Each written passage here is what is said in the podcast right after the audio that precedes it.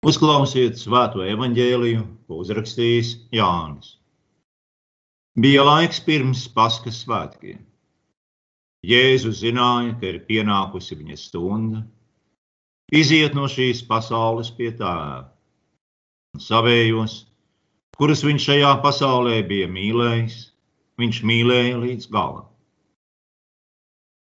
Mīlesta laikā, kad vēlns jūdam sīmeņa dēlam izkarjotam, jau bija ielicis sirdī nodomu viņu nodot. Jēzus zinādams, ka tēvs viņa rokās bija nodevis visu, un ka viņš no dieva ir izgājis un pie dieva aiziet, piecēlās no mīlestības, novilka virsdrēbes un paņēmis linu drānu, to sev apsēja. Pēc tam viņš ielēja ūdeni mazgājumā traukā un sāka mazgāt mācekļiem kājas un slaucīja tās linu drānā, ko viņš bija apsējis. Tad viņš nāca pie sīmeņa Pētera. Tas viņam sacīja: Kungs, tu mazgāsi man kājas? Jēzus viņam atbildēja un sacīja: Tu tagad nezini, ko es daru, bet pēc tam sapratīsi. Pēters viņam sacīja: Nemūžam tu man nemazgāsi kājas. Jēzus atbildēja: Ja es nemazgāšu, tad tev pie manis nav daļas. Sīmanis Pēteris viņam sacīja, kungs, ne tikai manas kājas, bet arī rokas un galvu. Un Jēzus sacīja, tam, kas ir jau mazgāts, nevajag vairāk kā vien kājas mazgāt, ja viņš viss ir tīrs. Un jūs esat tīri, bet ne visi. Jēzus zināja, kurš viņu nodos, un tādēļ viņš sacīja, ne visi jūs esat tīri. Kad viņš tiem kājas bija nomazgājis, viņš apvilka savas virsdrēbes un apsēdies tiem sacīja: Vai jūs saprotat, ko es jums esmu darījis? Jūs mani saucat skolotājs un kungs, un pareizi sakāt, jo es tas esmu. Ja nu es, kungs un skolotājs, esmu jums mazgājis kājas, tad pienākas, ka arī jūs cits citam kājas mazgājat. Jo es jums esmu devis priekšību lai jūs darāt, kā es esmu darījis. Āmen. Šī dienas evaņģēlijas turpina pūpoles vēdienas stāstu par Jēzus dziļo pazemību, un tagad arī piebīles mīlestību līdz galam. Īpaši skaidri tā atklājas uz viņa mācekļu augstprātības fona. Mūsu visu samaitātajā dabā deg vēlnišķīgas lepnības un iedomības uguns, nepamatotas kundzības gars. Un tā neviens no mācekļiem nebija uzņēmies kalpa lomu, un pēc austrumu paražas pirms mīlestības mazgājis citiem kājas. Tādēļ mīlestības laikā Jēzus pieceļas un dara to pats. Tas ir visdziļākās pazemības piemērs kas rāda uz viņa krusta nāvi, bet tam ir arī pedagoģiski iemesli. Ieraudzīja savos mācekļos to pašu bīstamo augstprātības izpausmu, kas raksturoja tā laika jūdu reliģisko vadību. Jēzus māca tiem, ka viņiem būs jāvada dieva tauta un jādara to pavisam citādi. Patiesā pazemībā un patiesās rūpēs par tiem. Un tā bija pirmā jūda pavasara mēneša nisena, 14. diena, kura izskanot sākās Paskas svinības. Paska bija jūdu lielie brīvības svētki, un šo svētku mīlestā tas, kurš vienīgais bija pilnīgi brīvs. Tas, kurš pēc savas dabas bija patiesa kungs un nebija pakļauts nevienam, uzņemas kalpa lomu. Tā pilnīgi atklājot sev sūtību. Viņš ir nācis šajā pasaulē, lai kalpotu, nevis lai viņam kalpotu. Un tieši tāds arī ir viss mūsu dievkalpojums. Tajā ne jau mēs kalpojam Dievam, bet Dievs kalpo mums. Šie bija pēdējie Jēzus paskas svētki, viņa šīs zemes dzīves laikā. Un, lai gan jau pirms tiem viņš zināja, ka viņš pavisam drīz atstās šo pasauli, Lai gan viņš bija mīlējis savējos visu laiku. Lai gan šajās pēdējās savas šīs zemes dzīves stundās viņš varētu pievērsties pats sev, viņa prāts joprojām kavējas pie viņa mīļajiem mācekļiem. Tas ir viņš mīlēja viņus līdz pat pašam pēdējiem brīdim, līdz pat pēdējiem savas elpas vilcienam pie krusta. Pat pašos grūtākajos savas dzīves beigu brīžos Jēzus aizmirst sevi un visas savas pūles velta un visus savus spēkus saviem mācekļiem. Lūk, tā ir mīlestības daba. Proti, mīlestība nepievēršas sev, lai cik grūti arī pašam nebūtu, bet pievēršas savam tuvāk. Jo tāds ir mīlestības darbs. Nevis uz sevi, bet uz āru no sevis pie sava tuvākā. Turpretī mācekļi, brīdī, kad tiem vajadzētu sniegt jēzum atbalstu un mierinājumu, tie domā tikai par sevi. Un tā vietā, lai tiktu mierināts un iedrošināts pats, Jēzus atkal ir tas, kurš mierina savus samulsušos, apjukušos un pašus ar sevi aizņemtos mācekļus. Līdzīgi kā tas bija noticis pirms brīža Jēdzemanis dārzā. Lai gan ir pienākusi Jēzus stunda, diena, kurā viņš izies no šīs pasaules, viņa mīlestība nerimst, jo tā ir absolūta un pilnīga, un tā patiesi nekad nebeidzas. Pilnīgi pretējo dara vēlns, kritušais eņģelis, kurš iedvež jūdasam sirdī nodevīgas domas. Un tās ir lepnas, augstprātīgas domas, kas liek vienam no Jēzus mācekļiem kļūt par nodevēju. Tie vairs nav tikai cilvēciski spēki, kas pretojas un cenšas izaicināt Jēzu, bet tie ir visi sātaniskie kosmosa spēki, kas stājas viņam pretī. Vēlns mudina uz nodevību, jūdas plāno nodevību, bet Jēzus kā labais gans, kurš mīl savējos līdz galam, tad pašam nodevēja, parāda savu mīlestību un mazgā viņam kājas. Nekādas elles mahinācijas nespēja kavēt Jēzus mīlestību. Un īpaši spilgti šis kontrasts parādās evaņģēlista sacītajā, ka Jēzus zinājis visu, un viņa tēva dotā dievišķā vara pār visiem sātaniskajiem spēkiem un viņa cilvēciskajiem ienaidniekiem bijusi neierobežota. Un tomēr viņš rīkojies dziļi pazemīgi un paudi savu mīlestību visā tās krāšņumā un patiesumā. Tas, ko dara Jēzus, nav izlikšanā. Viņš mīl arī jūdas, nodevēju, un dara visu nepieciešamo viņa glābšanai. Kaut arī jūdas to noraida. Kad raugāmies uz Jēzus pazemību un ciešanām, mums nekad nevajag aizmirst, ka šis mīlošais Jēzus ir arī visuvarens Dievs, valdošs, mūžīgs Dieva dēls, kurš ir nācis no tēva lai paveiktu savu augsto uzdevumu, lai glābtu mūs no grēka, vēlna, ēles un nāves.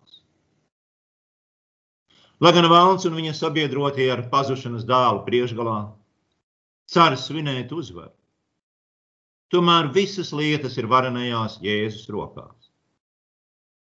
Viņš ir nācis no Dieva, lai noliktu savu dzīvību par savām avīm un ņemtu to atpakaļ. Un evanģēlis visu stāsta sīkās detaļās, kas būs neizdziešami iespiedušās viņa atmiņā.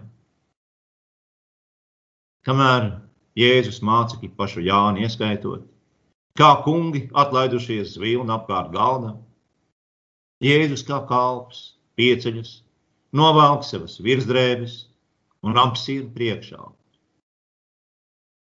Cik reizes Jānis pēc tam nebūs raudājis, kauna asaras, atceroties šo vakaru.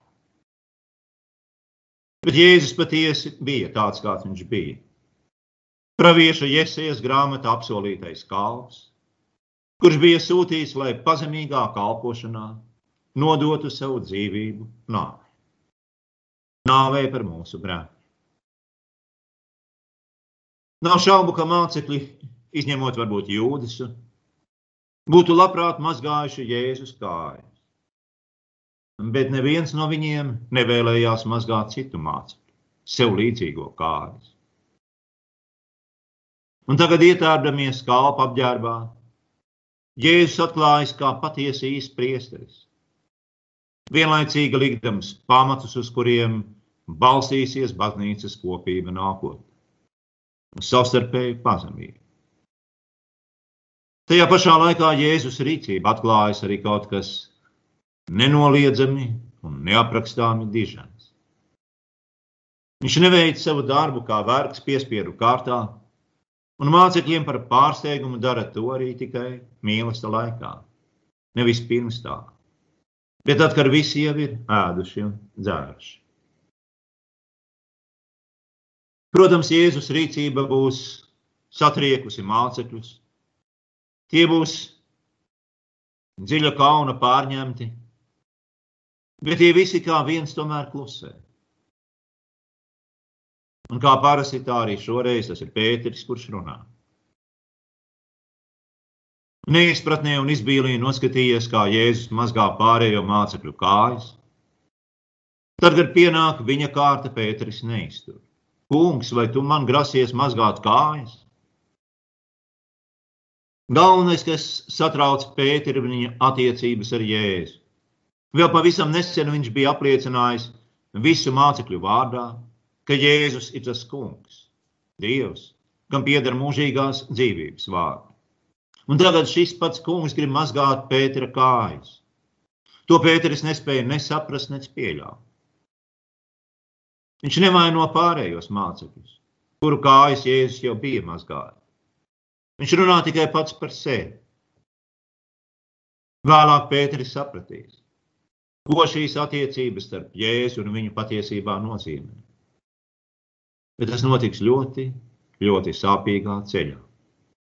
Un tikai pēc Jēzus krusta, nāves un augšām celšanās. Pirms tam ne Pēteris, ne kāds cits no mācekļiem nesapratīs, ko īsti Jēzus to brīdi darījis. Un šajā sakarībā Jēzus jau iepriekš brīdina viņus. Viņš maigi pielabo Pētera kļūdaino iebildumu, sacīdams, ko daru es, tu tagad nesaproti. Viņš kā kungs zina, ko viņš dara. Un viņš runā ne tikai par kāju mazgāšanu. Tas ir tas, ko Jēzus vēlas uzsvērt, un ar to Pēterim vajadzēja pietikt. Jēzus vārdos nav pārmetumu. Tie ir mīlestības, pacietības un laipnības pilni. Bet viņš nesniedz nekādus tālākus paskaidrojumus, izņemot to, ka izpratne nāks vēlāk. Tas ļauj saprast mācekļu kāju mazgāšanu kā vienu no daudzām lietām, ilustrāciju, mācību, pat garu, kas izskaidros Jēzus personu un viņa darbu. Tikai vēlāk. Tad mācekļi to sapratīja. To dzirdot, Pēteris tomēr vairs nejautā bet kategoriski noraida iespēju, ka Jēzus jau kādu varētu mazgāt viņa kājas. Mācekļa vārdos ieskanas dramatiski toņi.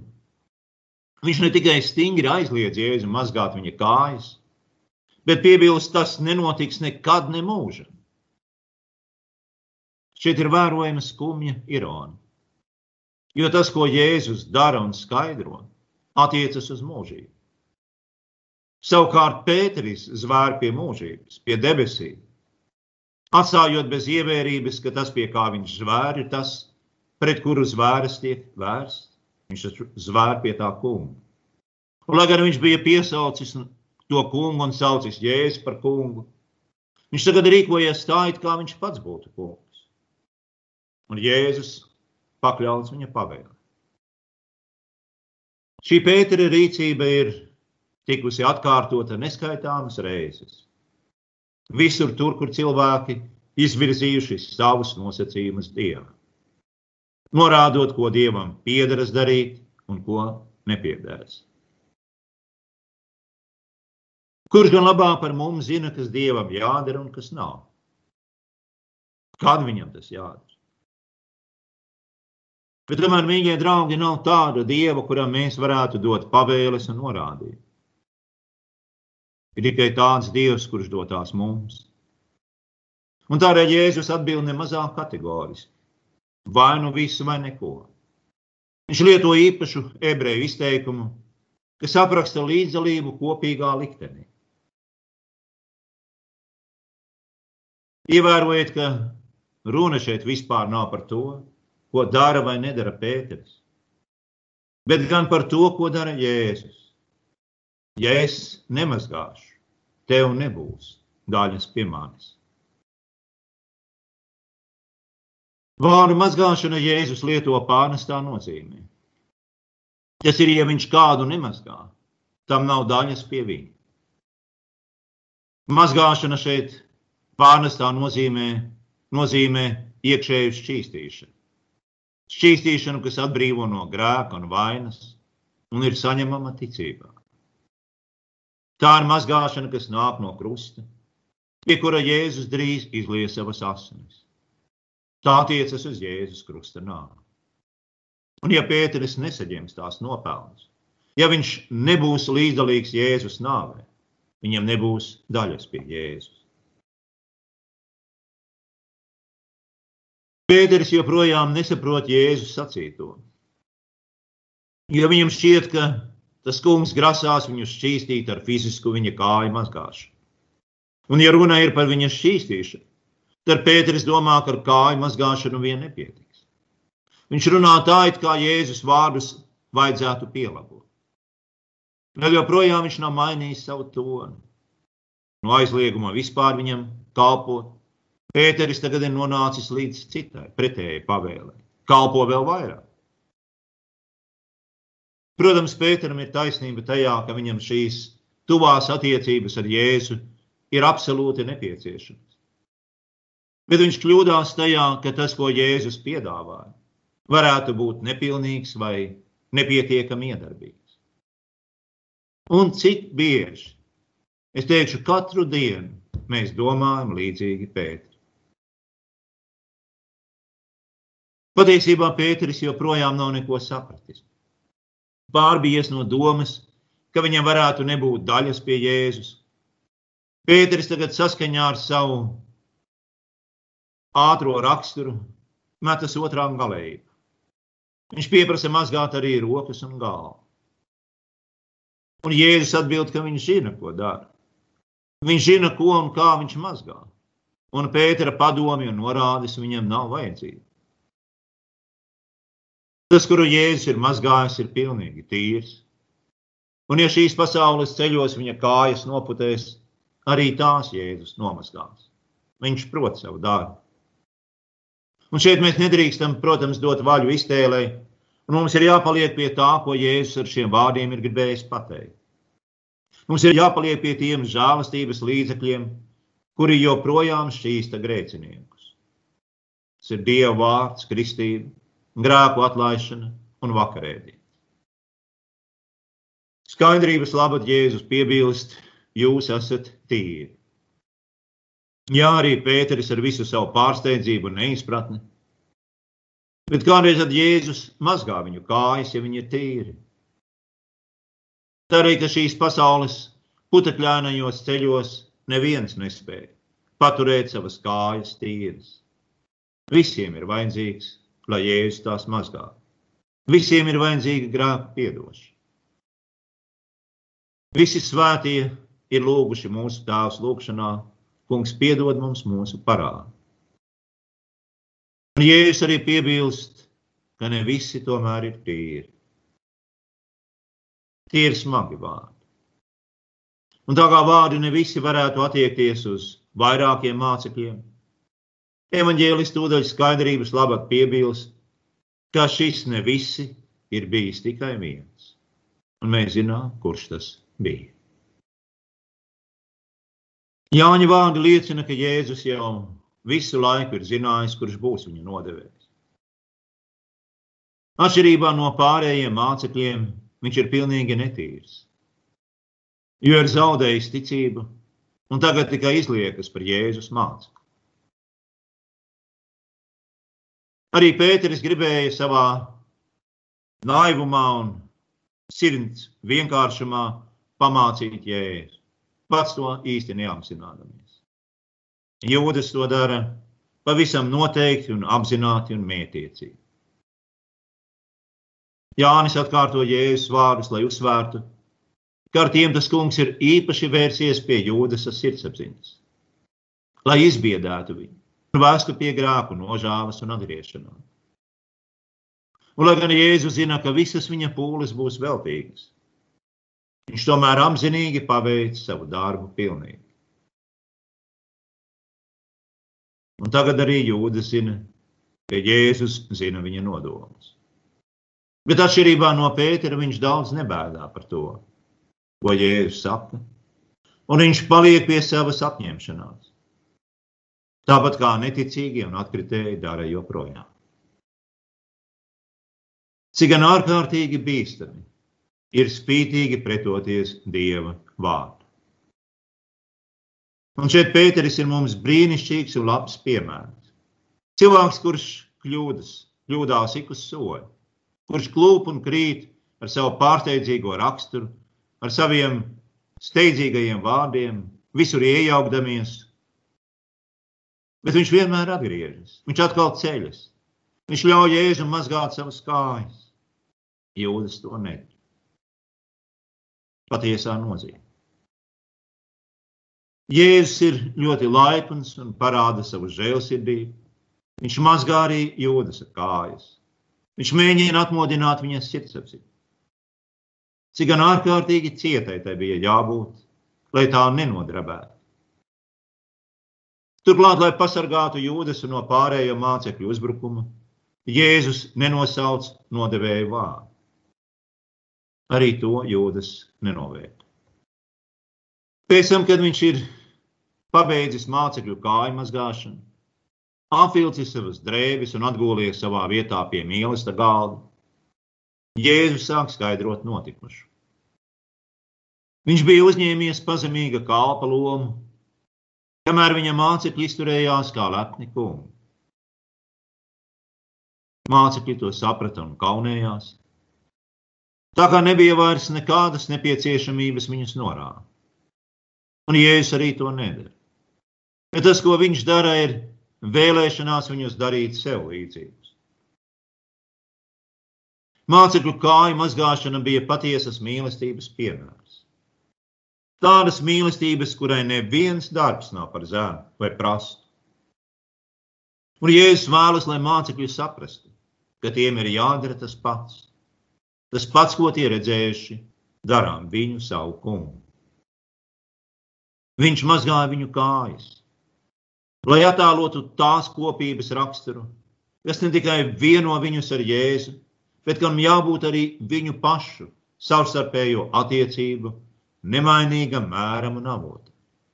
Tad, kad viņš vairs nebūs kopā ar tiem fiziskā veidā. Jēzus ne tikai vēlas atgādināt mācekļiem, ka viņš ir kungs un skolotājs, bet šādi viņš arī tos uzslavē par pareizu izpratni un pareizu viņa titulu lietošanu. Jūs pareizi darāt, ka saucat mani kungs un skolotāju. Bez šaubām šajā laikā vēl mācekļu izpratne nebija pilnīga.